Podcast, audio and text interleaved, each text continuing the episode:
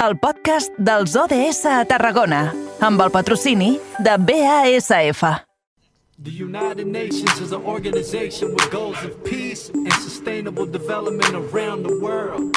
Their mission is huge, but we're breaking it down in two minutes. 17 sustainable... Passen 6 minuts de les 6 i va de primera que hagi apuntat eh, ara en la introducció d'aquesta tercera hora eh, el que és una de les notícies de la jornada. Eh? Aquesta conferència Compromís 2030, Horitzó 2050, a la que han assistit el president Pere Aragonès i la consellera d'Acció Climàtica, Teresa Jordà, i en què doncs, han posat eh, èmfasi en això d'una Catalunya completament descarbonitzada, el 2050, sense repetir el model oligopolístic extractivista del segle passat, han dit, eh, i que el primer pas d'aquest camí és la modificació imperiosa, han dit eh, aquest eh, terme, han fet servir, del decret llei de renovables, amb un canvi legislatiu que busca punxar la bombolla especulativa de les energies netes al territori. I dic que va de primera que hagi apuntat això perquè precisament eh, ara nosaltres ens llancem de cap en aquell espai que és puntal novetat d'aquesta temporada, l'espai que dediquem als objectius de desenvolupament eh, sostenible. I em penso que avui els eh, trets eh, van eh, per, per aquí, per model energètic, per emissions, en tot cas ara sortirem de dubte, situem els estudis de BXC Ràdio perquè allí tenim el nostre company Jonai González. Jonai, bona tarda, bon dijous. Bona tarda, Edu, bon dijous. Van per aquí o no van per aquí els trets de la propera conversa, entrevista temàtica que tractarem? Doncs sí, van per aquí, perquè avui parlem de transport sostenible i de, el transport que evita eh, emissions i aquest canvi de, de benzina a altres eh, formes de, de, de, de produir energia pels vehicles. És que aprofundirem en aquest... Anaves a dir, anaves, anaves a dir eh, Jonai, altres formes de combustió. Sí, sí. Eh? Estava... Si, si, si ja parlem de combustió, llavors ja aquí afegim el, uns combustibles amb, uh, fòssil... És igual, no Sí, sí, emboliquem sí. la... No emboliquem, però esclar, de, de vegades ens passa, eh? En el llenguatge ens traeix també el, el subconscient, amb el que eh, hem vist sempre i en què cal que anem nosaltres també pensant en uh, aquest llenguatge, aquestes noves uh, formes, en aquest cas, doncs, d'utilitzar energia. I deixo seguir, ja està. Sí, sí, aquesta mentalitat que dèiem aquests dies que hem d'anar canviant també.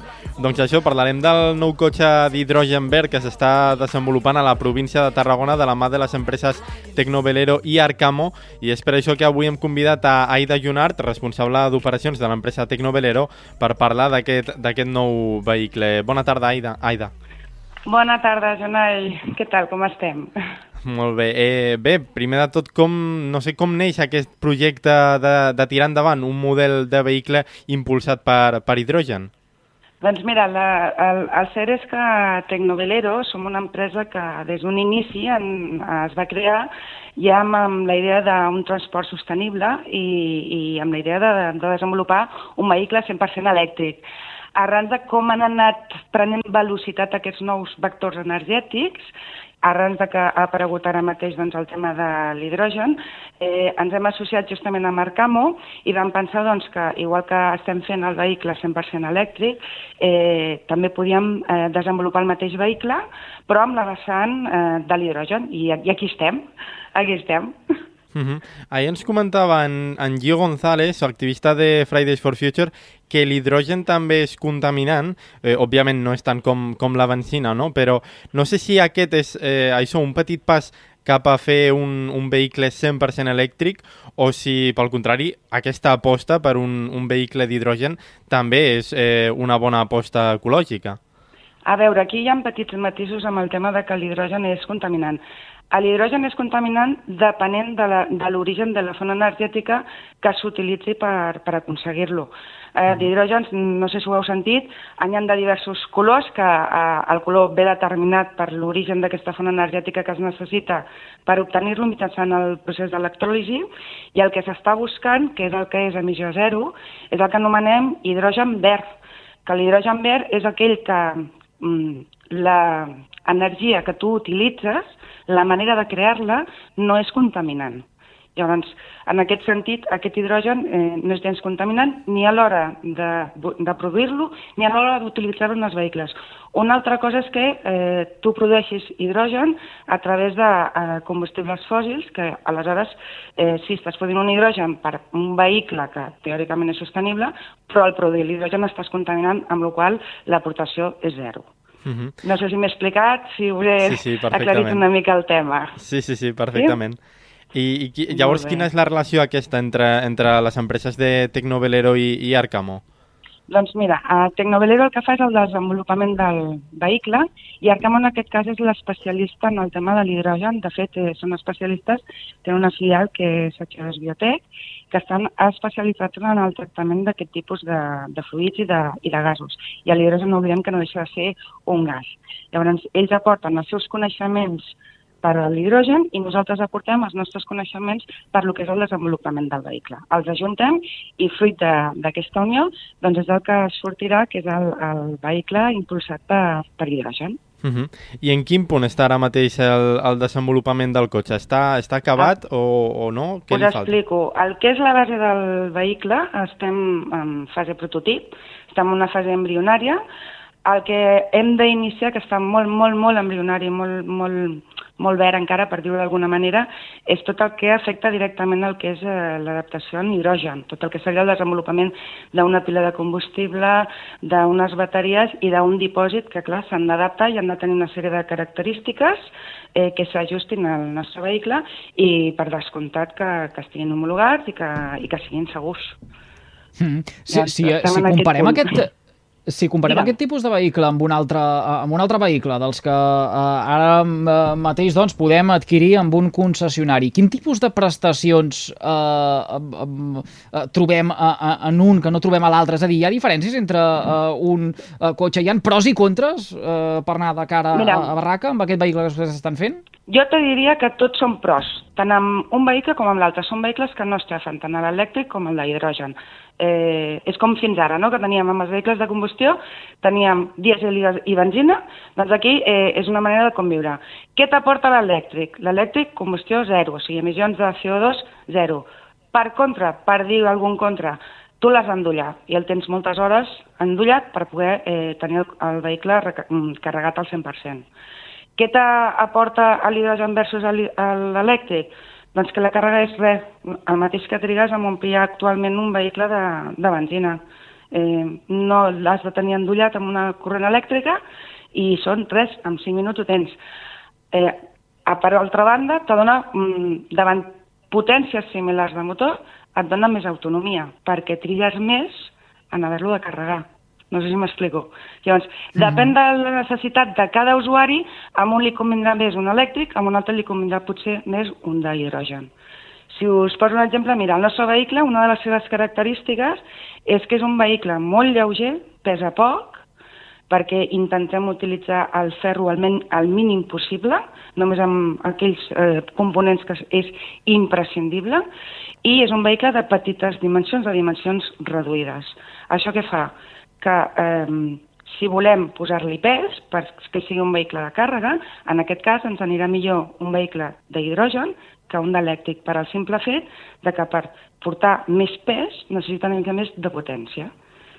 Que no hem de portar càrrega, que l'únic que volem és bellugar-nos lliurement per dintre la ciutat amb un d'elèctric, ja tirem, perquè a ciutat, gràcies a Déu avui en dia, ja hi ha molts punts de recàrrega.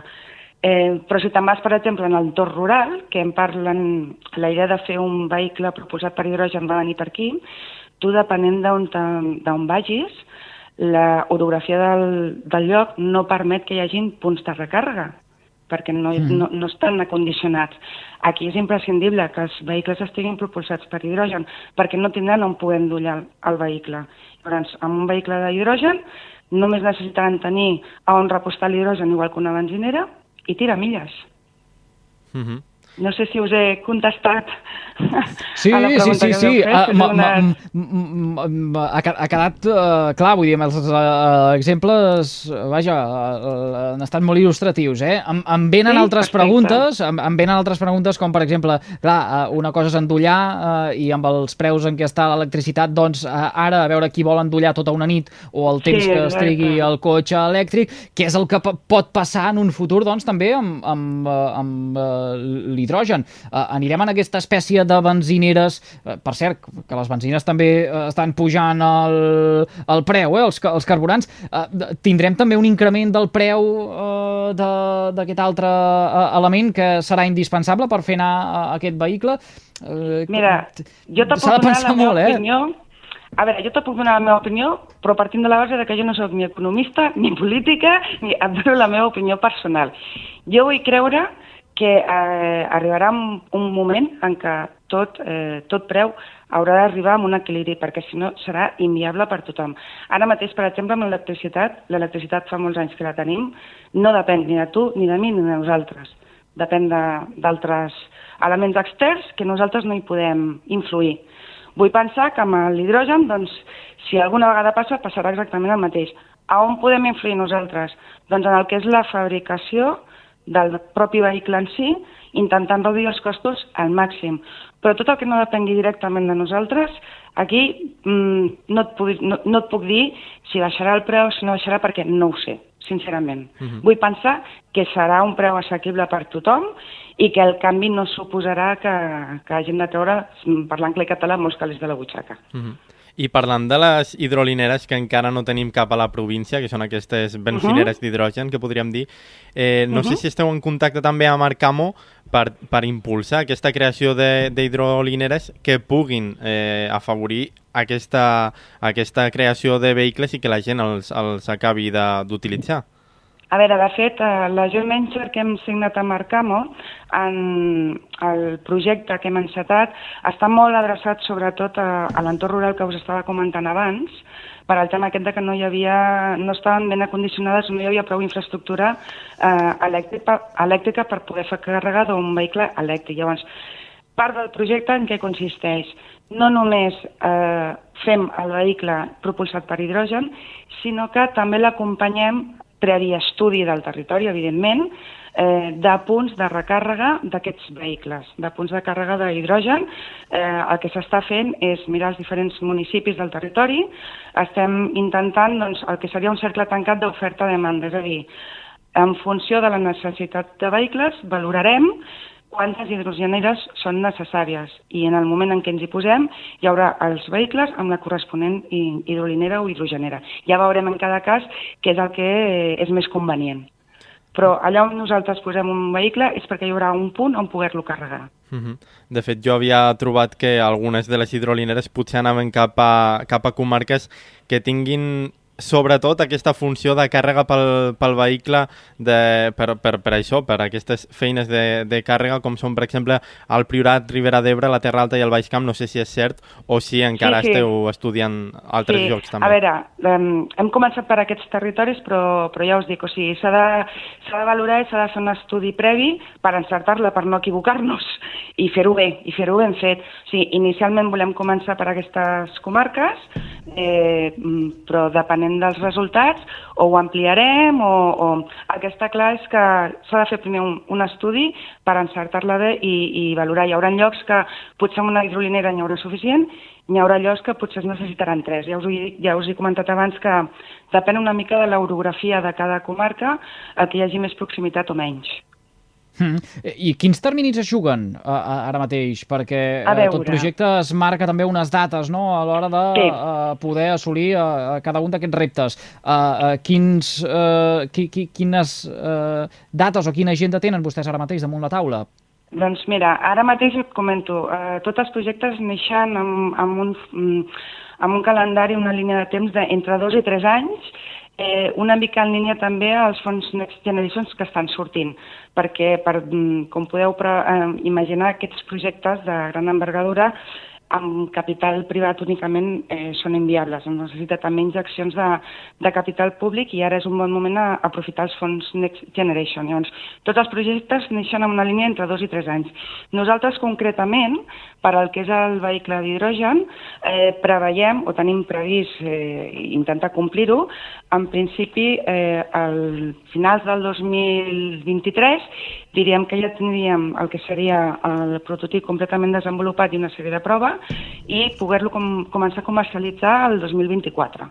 Si ho podem anticipar, ho anticiparem, evidentment, però la idea seria més o menys aquesta, que l'any 24 ja estigui el producte en el mercat i, i, i que qualsevol que ho necessiti doncs hi tingui accés eh, doncs ho marcarem també nosaltres a l'agenda del programa, eh, perquè tenim aquest espai que encetàvem eh, tot just fa ara dos mesos amb l'inici de la temporada amb els objectius de desenvolupament sostenible i tota aquesta feinada que s'està fent des d'òptiques i sectors molt diversos del nostre territori, segur que tindrem l'oportunitat de conèixer com va evolucionant el eh, projecte.